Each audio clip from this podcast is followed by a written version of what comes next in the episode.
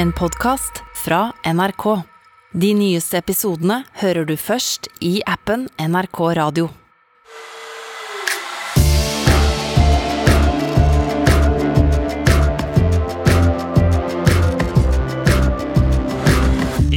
Helgen er det Eurovision-finale. Vi har sendt Fanny til Torino for å sjekke stemningen. Hunder kan bli brukt som propaganda i krigen. Og hva er hashtaggen no mo may? Disse tre sakene får du i nyhetsblanding nå. Jeg heter Ole Klevan. Jeg heter Trude Furli. Og jeg heter Fanny Odden. Og aller først, direkte fra Torino i Italia. Fanny, eh, går det bra der nede? Det går veldig bra. Jeg koser meg eh, helt sykt. Det er veldig gøy å være med, altså følge litt med på Eurovision sånn på ekte close hold. Det er jo første gang for min del, Ja. så det er, eh, det er veldig spennende og varmt. Det er varmt, ja? Ja, det er varmt. Det er eh, over, godt over 20 grader. Ja, det, men det skal være sånn i Sør-Europa. Og du, vi ser jo deg på FaceTime, så du sitter jo på hotellrommet ditt nå og prater. Har NRK betalt for bra hotell for deg? Nei, vi havna på tostjerners hotell, og jeg, altså jeg føler de andre har fått ganske koselige rom, men det er et eller annet dårlig stemning over mitt rom. Det er et lys her som blant annet driver og går litt sånn av og på av seg selv. Ja. Og gulvet knirker. Nei. Eh, jeg bare føler at det er et sted hvor man blir drept, på en måte. Hvis jeg, så jeg venter jo på det hver natt. Vi får ikke håpe det, da. At uh, skattebetalernes penger har gått til et tostjerners hotellrom hvor journalist Fanny Odden til slutt uh, ble mørdet. Nei, murdered. Det er jo typisk min flaks å bli drept på et hotell i Italia, så jeg, eh, altså jeg blir på en måte ikke skuffa hvis det skjer. Er litt, litt sånn, ja. For dere observante lyttere så er jo ikke Rima her. Hun er i Barcelona for å snakke om festen etter fasten til noen europeiske TV-folk, så da har jo produsent Trude kommet inn som vikar igjen. Ja, hei. Det er et bereist gjeng, vet du. Da må man steppe inn. Vi har nettverk over hele Europa. Ja, vi er overalt. Vi er det. Eh, Ja, ja. Dere nyhetsblandere som hører på oss fast, dere begynner jo å kjenne produsent Trude nå. For dere som ikke gjør det. Eh, produsent Trude, som du heter jo det til fornavn. Ja. Eh, hva, hva, hva gjør du, egentlig? Altså, jeg gjør jo, Når jeg er produsent, da, så styrer jeg spaker og lyder og passer på at eh, opptaket går og at eh, alt stemmer når vi går i studio. Så jeg sitter jo her med dere hver gang. Det er veldig ydmykt. Altså, du produserer jo programmet. Ja da, du er ja jo på Mm. manus og research, og du holder jo oss i, i tøylene. Ja da, det gjør litt, litt også. Eh, og så er jeg jo også journalist i NRK Nyheter. Som hjelper jo eh, på når du eh, skal holde oss i podkast-tøylene, som jeg kaller det. Absolutt. Mm. Absolutt. Ja, men bra. Eh, vi skal eh, som vanlig gjennom tre saker i dagens nyhetsblanding. Men i dag så skal vi altså ikke ha quiz. Nei. For forrige gang så avviklet vi quizen. Jeg nådde minus 100, og konsekvensen var at vi tok vekk quizen. Vi spurte jo dere, kjære nyhetsblandere, eh, si fra hvis dere er misfornøyde med det og vil ha quizen tilbake. Og det har dere gjort. Vi har fått inn flere meldinger på at vi ikke skal ta vekk quizen. Eh, Espen har kommet inn, Anniken, Tuva, eh, faste nyhetsblandere sier at ikke fjern quizen. Og vi kjenner på det. Vi hører dere. Mm. Og vi tenker at vi tar ikke quiz i dag. Eh, og så ser vi, hvis det kommer inn flere meldinger eh, i løpet av uken, så skal vi vurdere å ta den tilbake. Så hvis dere vil Ja. ha tilbake quiz, så fortsett å sende inn til oss på nyhetsblanding at nrk.no, eller så kan du sende til Instagram-kontoene våre, eh, sånn som Tuva og Tilde for eksempel har gjort det, skrevet til oss der. Eh, det er veldig hyggelig. Gjør det. Gjør det. Hvis- Altså, din stemme teller. Her kan du faktisk gjøre en forskjell. Nei, men det er vel ikke noe mer å tenke på da enn å rett og slett bare gå til første sak, direkte fra Torino i Italia.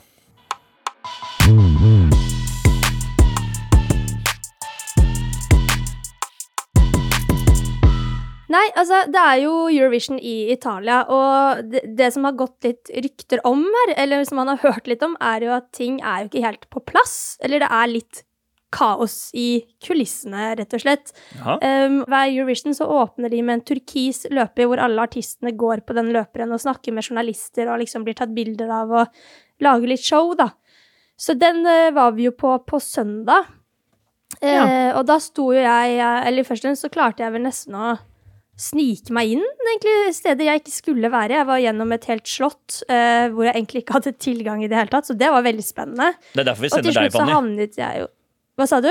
Det er derfor vi sender deg. Du er litt som uh, Bilbo i Hobbiten. Du er en burglar. Du kommer deg inn hvor andre ikke klarer å komme seg inn. Ja, ja, og jeg varte ganske lenge òg, og sto på en måte der hvor alle artistene var, helt til en dame i rød jakke som hadde stått og sett på meg veldig sånn undrende i ti minutter, plutselig kom bort og bare Hvor er passet ditt, liksom? Og jeg bare ah, I don't know, I was just told to go here. Hun bare Oh, you're in the wrong place. Og da måtte jeg bli eskortert av henne i ti minutter gjennom en svær hage og gjennom da flere deler av det slottet, og havnet da på eh, riktig sted til slutt, da, som var ved den turkise løperen helt i enden. Ja. Så det var jo det var egentlig ganske fint. Det var jo en liten tour i seg selv, det. Og det var jo ikke noe, jeg ble ikke kasta ut, så jeg storkoste meg med det. Mm. Eh, og, men det som var spennende på den turkise løperen, var at jeg ble jo vitne til en demonstrasjon. Ja. Og hvor ofte er det man egentlig får sett det på ekte, at noen løper opp på en scene, stormer scenen og skriker uh, uh, så høyt de kan om den saken de Altså, det er ikke ofte det skjer i livet, tror jeg. Man ser det ofte på TV, men ja. på ekte så er det jo ikke så store muligheter. eh, Så jeg var veldig fornøyd med det. Da var det altså en mann og en dame som kom løpende opp og ropte om klima. Så det var eh, Sikkerheten da var jo ikke helt på plass, kanskje, kan man si. Men de ble jo veldig fort uh, båret ned fra scenen da og, og ja, tatt hånd om, for å si det sånn. Men hun jenta hun fortsatte, og hun ropte og skrek og løp mot oss mens hun ble eh, dratt tilbake av vakten. Men ehm, ok, så Men du snakket om at det, var mye i kulissene som ikke funka, Fanny. Jeg ble litt nysgjerrig Ja, på hva, det ting hva det var. Det er jo den scenen som de har bygd her i Italia, eh, den fungerer jo ikke. Det er jo en ganske svær scene som har på en måte fire sånne sirkler som kan snurre rundt, på en måte, er vel meningen egentlig, for å kunne lage litt show, og så skal det være sånne skjermer på baksiden av den scenen, sånn at når den på en måte skal snurre rundt, så skal du da komme til eh, sånne store skjermer som folk, egentlig da artister, har tenkt at de skulle bruke til sceneshowet sitt. Mm. Men den scenen fungerer jo ikke, fordi at med en gang de begynte å putte andre ting på scenen, så ble det jo altfor tungt. Oh ja, så de har ikke beregna det? De har ikke beregna den vekten i det hele tatt, så den scenen står jo bare bom stille. Så nå må de jo bare da bruke masse lys på den i stedet, og de som har sånn um, skjermshow, da, det havner jo da bare på en liten skjerm helt i midten. Oi. Så det er jo Italiensk Eh, ingeniørkunst. Ja, der har de jo gått på en smell, da. Og så er det litt sånn, ok, men det er bare en scene, ja, det er kjipt for artistene, men folk på nettet, altså internett videre, Twitter, de klikker jo i vinkel. Den italienske arrangøren Rai har jo fått så alvorlige trusler at EBU, som er de som på en måte står for, er ansvarlig for Eurovision, har måttet gå ut med en offentlig uttalelse eh, om at de ikke godtar slik oppførsel, og at de mest alvorlige truslene faktisk vil bli tatt videre med til myndighetene. Da tar man Eurovision meget Blodseriøst. alvorlig. Men sånn er det jo. Jeg føler det er noen som er veldig, veldig Altså, for, altså Eurovision er julaften og 17. mai og alt på en gang for dem. Det er noen som bare lever og ånder for det. Det er jo det. Kanskje vi bare, for de som ikke eh, kjenner til det norske bidraget i Eurovision, så kan vi kjøre en liten smakebit på, eh, på det. Ja. Det syns jeg vi skal gjøre.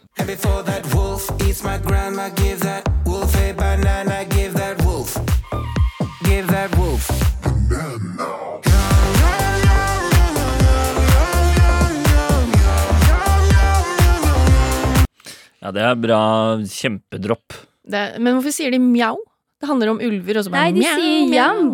Jam, oh, ja, jam, jam. jam, jam. Altså YUM, som at liksom nam. Ja, jeg skjønner. Ja, de gikk jo rundt og delte ut masse bananer på den turkise løperen, blant annet. Og nå er jo også DJ-en i, i uh, Subwoofer avslørt. Ja. Tix. ja. Den så jeg faktisk ikke komme i det hele tatt. Det har jo blitt snakket om at det kanskje er et PR-stunt også, da. At på en måte man vil skape litt sånn forvirring om Ja, ja. hvem den DJ-en egentlig er. Ja, og det, altså, det kan jo også hende at det absolutt ikke har vært Tix alle gangene, men at han har blitt med til Torino, for eksempel. Det vet man jo ikke. Men eh, at han i hvert fall skulle dukke opp én gang inn i den astronautdrakten, det var jo uh, uventa i min verden. Så det er jo kjempespennende. Norge gjør det jo veldig bra på disse målingene her. Eh, og så er det stor... Ja. Kan jeg bare Jeg er en person som aldri har fulgt med på Melodi Grand Prix. Ok. Eh, så når Hvorfor du sier Nei, for, eh, nei, det er det mange grunner til. Jeg skal ikke gå gjennom alle, hele listen nå. Eh, men når du nå sier at Norge gjør det veldig bra, hva legger du i det? Har ikke Norge bare kommet til finalen i Torino, og så skal de synge på lørdag og få poeng? Jo, men så gjør jo også folk sånne tester, da, eh, hvor de får folk til å stemme litt sånn på forhånd for gøy. På Mm. hvem, de ville, hvem de vil se videre, videre, som at det var en ordentlig finale. Og der har Norge gjort det ganske bra. Jeg tror vi lå på fjerdeplass på forrige sånn stemmeavstemningsgreie. Ja. Sånn at det er på en måte bare sånne tester man legger ut litt for å se sånn ish hvordan stemningen er på for de ulike artistene, og hvem som ligger best an til å vinne og sånn, da. Hvem er det som Ukraina ligger gjør det jo veldig bra på de. Å, Ukraina gjør det bra. Mm, alle tror jo at Ukraina kommer til å vinne av situasjonen som foregår der, og Men hva er det som da nå skjer eh, i morgen, eh, når eh, finalen er? Hva skjer frem til da, det, dette siste døgnet før det virkelig braker løs? Nå var det jo semifinale nummer to i går, eh, hvor da flere deltakere gikk videre eh, til finalen som er i morgen. Så nå har vi i hvert fall fått alle finalistene, eh, og de kommer jo helt sikkert da til å øve mye frem til kvelden i morgen, for det er jo en finale som kommer til å vare veldig lenge. Den er jo ikke ferdig før rundt to på natten, så for min Oi. del så betyr jo det at det er da jeg begynner å jobbe, så det blir et, eh, et langt døgn Ja, det blir det for da. meg som journalist borti her, da må jeg rett inn på Mac-en og begynne å lage hvem som har vunnet, osv. Det er jo blant annet derfor du er der, Fanny. Fordi du leverer til eh, NRK Nyheter på Snapchat. Til snappen vår. Til Snapchat. Ja. Så dere som også abonnerer og følger oss på Snapchat, det anbefaler jeg alle å gjøre, så kan dere da se hele, hele Fanny sin, eh, sin tur fra Torino og Eurovision eh, på søndag.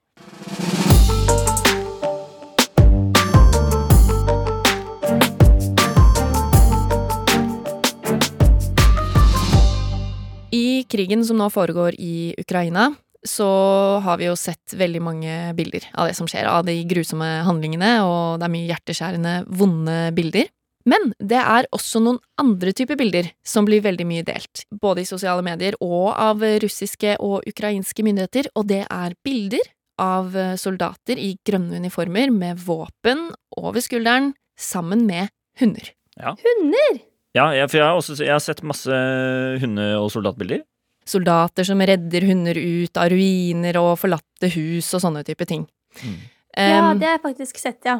Ikke sant. Også har jeg sett bilder av sånne små valper som ligger og sover ved siden av våpen, og jeg husker spesielt ett bilde hvor det er en schæferhund som sitter ved siden av en fyr som ligger liksom og og speider med kikkert, og så bak de så vaier det det ukrainske flagget da i blått og, og gult. Mm. Um, og jeg er veldig glad i hunder. Jeg har også hund selv, Mhm. og jeg merker at når jeg ser på disse bildene fra krigen med alle disse øh, hundene på, så blir jeg øm om hjertet. Du blir øm. Jeg blir øm om hjertet. ja. Ja, men jeg, det ble, blir jeg også. Jeg jo, jeg ser jo på soldatene, og så tenker jeg oi, så snille og så bra folk som tar vare på forlatte hunder som, eh, som har kanskje mistet eierne sine eller kommer bort fra eierne sine. Pluss at man ser disse hundene som på en måte er med å hjelpe i krigen. På Telegram, som er en av de plattformene hvor, man, hvor disse bildene blir delt, så, så er det masse bilder da, av blant annet den schæferen med det flagget og han fyren eh, som er soldat. Eh, og så står det sånn Our dogs are helping us to protect our country. Og det er veldig sånn, flott og fint. Mm. Ja. Um, men um, vi har en kollega som heter David Skovli. Han er journalist i NRK Nyheter. Og han har stilt spørsmålet hvorfor deler de myndighetene altså så mye av disse hundebildene? For det er myndighetene som deler disse bildene også? Ja, blant bare- annet. Det er jo liksom folk på sosiale medier, men det er også da myndighetene både i Russland og Ukraina. Mm. Eh, og Fordi han de har vet at folk elsker dyr, sikkert. Og at folk Ja, syns det er verre når dyr er involvert enn bare mennesker. Så de tar med masse dyre hundebilder. Men der er du inne på noe, Fanny. Yes, dette er litt av poenget. Fordi jeg har jo nå innsett at jeg har blitt Jeg har rett og slett bitt litt på det som David kaller for potepropaganda. Ja, Ja. riktig. Fordi det er jo ikke tilfeldig at sånne bilder blir delt. Nei. Det er jo sant at veldig mange hunder lider under krigen, og at også hunder er med å hjelpe militæret. Men jeg har kanskje vært en smule liksom Blitt litt sånn blenda av disse hundebildene og bare tenkt 'å, så fint'. Jeg har kanskje vært litt ukritisk. Ja. I en krig så er det jo på en måte Det er jo en kamp som skjer på bakken. Eh, man kriger med våpen. Og så er det jo en annen kamp om eh, hvilken fortelling man skal gi omverdenen. Mm. Eh, og da Ja. bruker man jo mye propaganda for å få frem det. Og David han har snakket med en forsker om det her. Eh, hun forskeren som han har snakket med, hun heter Johanne Kalsås og er doktorgradsstipendiat i russiske medier og kommunikasjon ved Universitetet i Bergen. Og hun sier jo blant annet det her. At når vi ser bilder av soldater som koser med dyr, så skapes det en voldsom kontrast til den eh, brutaliteten som vi vanligvis forbinder med krig. Ja, Så tenker jeg jo også eh, raskt på at, eh, han, eh, denne soldaten Jeg kan aldri se for meg at han eh, kan drepe et menneske. Ja. Og det hun Kalsås sier, er jo nettopp det. At det er en effektiv måte å bygge et image på. Ja. Vi blir nesten litt sånn blenda av det. Jeg merker i hvert fall selv at jeg blir det. Jeg glemmer Jeg, jeg ser bare hunden. Jeg er jo så hundegal, ikke sant. Så jeg ser hunden og tenker herregud, så søt og fin, og han er så snill, han soldaten som hjelper den hunden. Mm.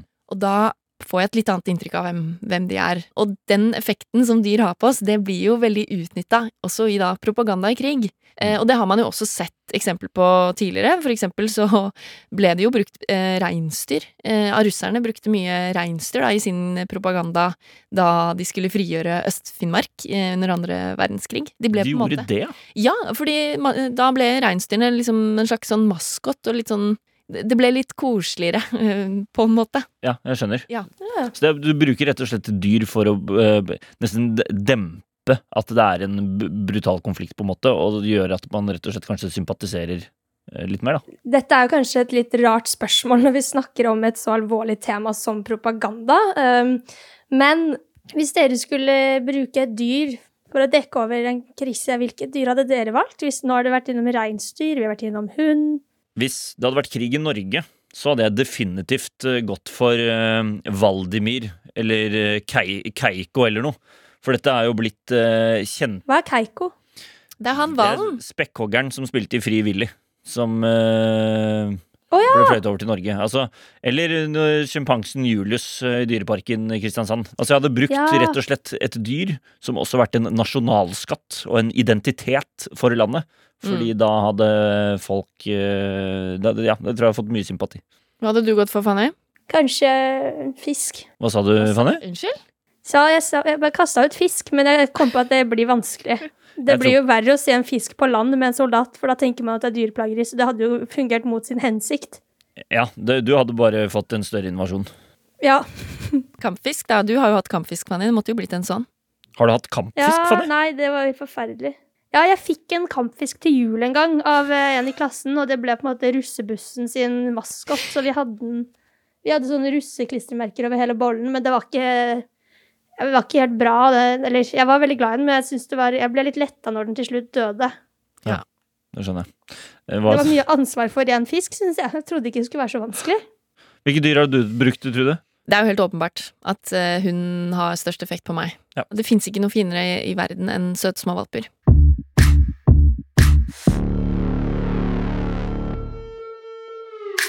No Mo May er et hashtag eh, som går på sosiale medier nå. Har dere hørt om det? No Mo May? Nei.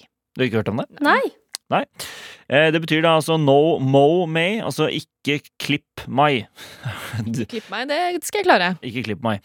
Eh, det handler rett og slett eh, om at eh, man skal la plenen eller hagen stå uklippet eh, gjennom hele mai. Fordi at det er eh, rett og slett en av de enkleste og mest avslappende tiltakene du kan gjøre for miljøet.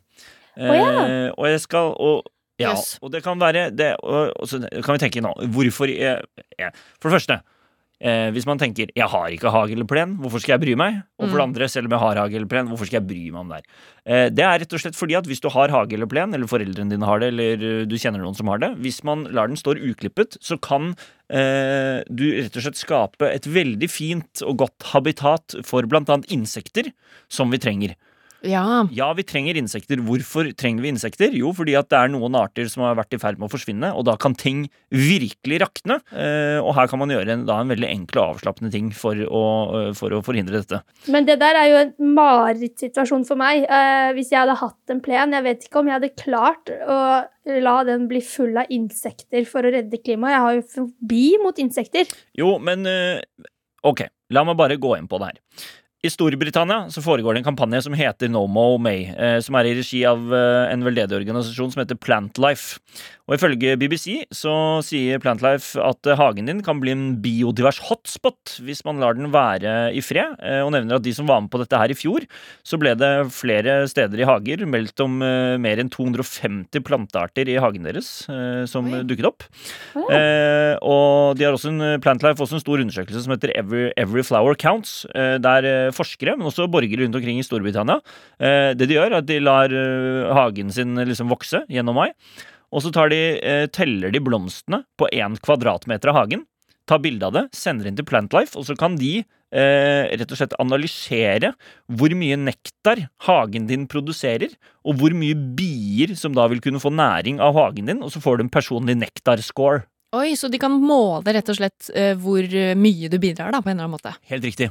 Og jeg tenkte, fordi at jeg har jo fått meg plen! Ja, det har du! Jeg har fått meg plen!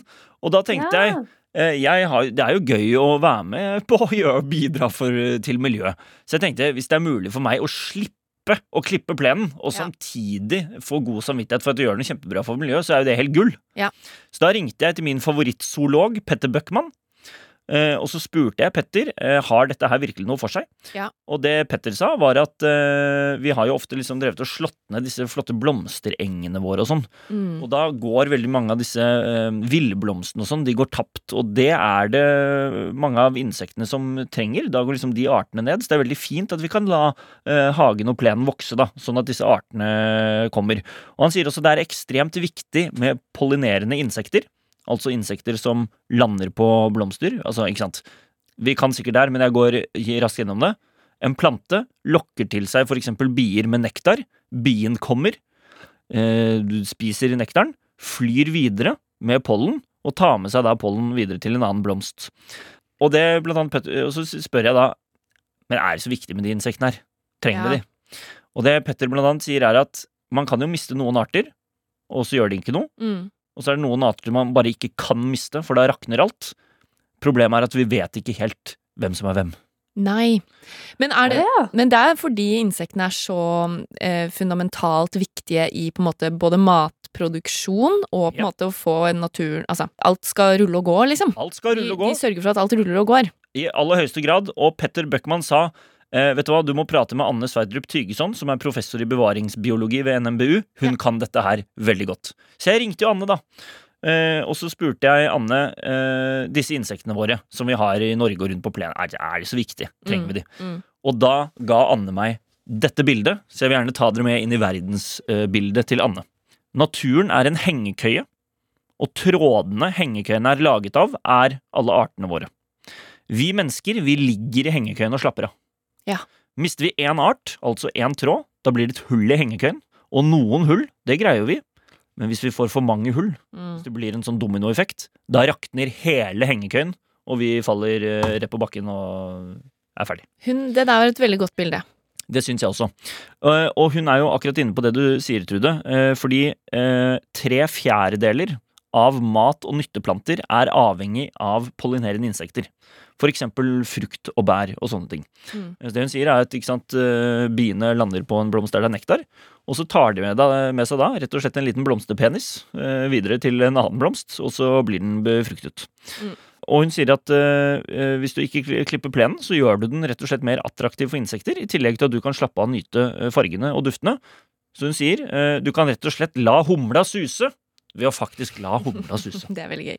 Ja. Men ehm, det her er jo Jeg føler veldig mange tiltak for miljøet krever mye av oss. Og dette krever ingenting! Nei, for det er sånn dusj kortere, ikke bruk så mye strøm, eller sånn vi må liksom skjerpe oss litt på en eller annen måte. Men dette Du trenger ikke å gjøre noe som helst. Nei. Og det sa Anne også. altså Plenen, hagen før i tiden, for flere mange år siden, så var jo plenen et, et, et statussymbol. mm, Altså Det var et symbol på at du var rik nok til å ha et uteareal der det ikke var dyr og liv og insekter, fordi Ja. du hadde råd til å liksom opprettholde den. Oh, ja. Mens nå blir det ikke sant?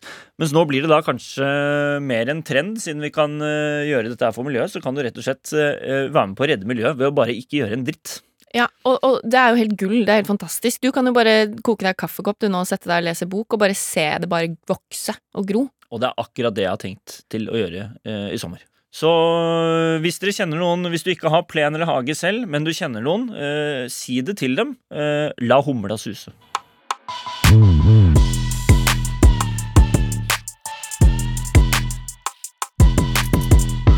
Ja, det var det vi hadde.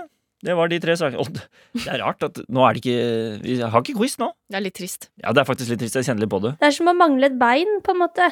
Det er akkurat sånn der. Ja, Akkurat sånn der. Akkurat sånn. Noe er feil.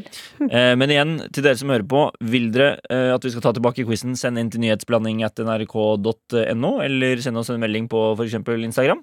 Eh, og abonner gjerne på NRK Nyheter på Snapchat og se på Fannys tur gjennom Torino og Eurovision. Og hvis du liker nyhetsblanding, så tips gjerne en venn om oss. Eller en fiende, eller noe midt imellom. Ja. Eller bare til noen på, du møter på gata. Randoms. Ja, ja. Ja. Tips dem. Fanny, vi vet jo hva du skal, men kjapt, hva skal du i helgen? Nei, det er Eurovision, da, så jeg skal se finalen og snakke litt med Bra, folk og heie du- på Norge. Stafett, løpe!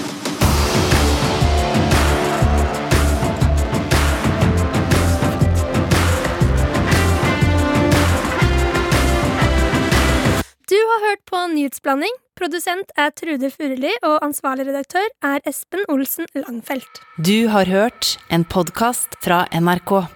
De nyeste episodene og alle radiokanalene hører du først i appen NRK Radio. Musikkrommet med Sandeep Singh.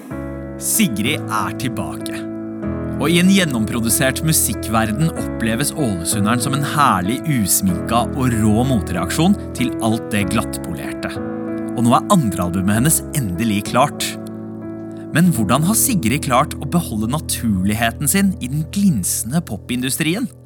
Hør mer om dette i Musikkrommet i appen NRK Radio.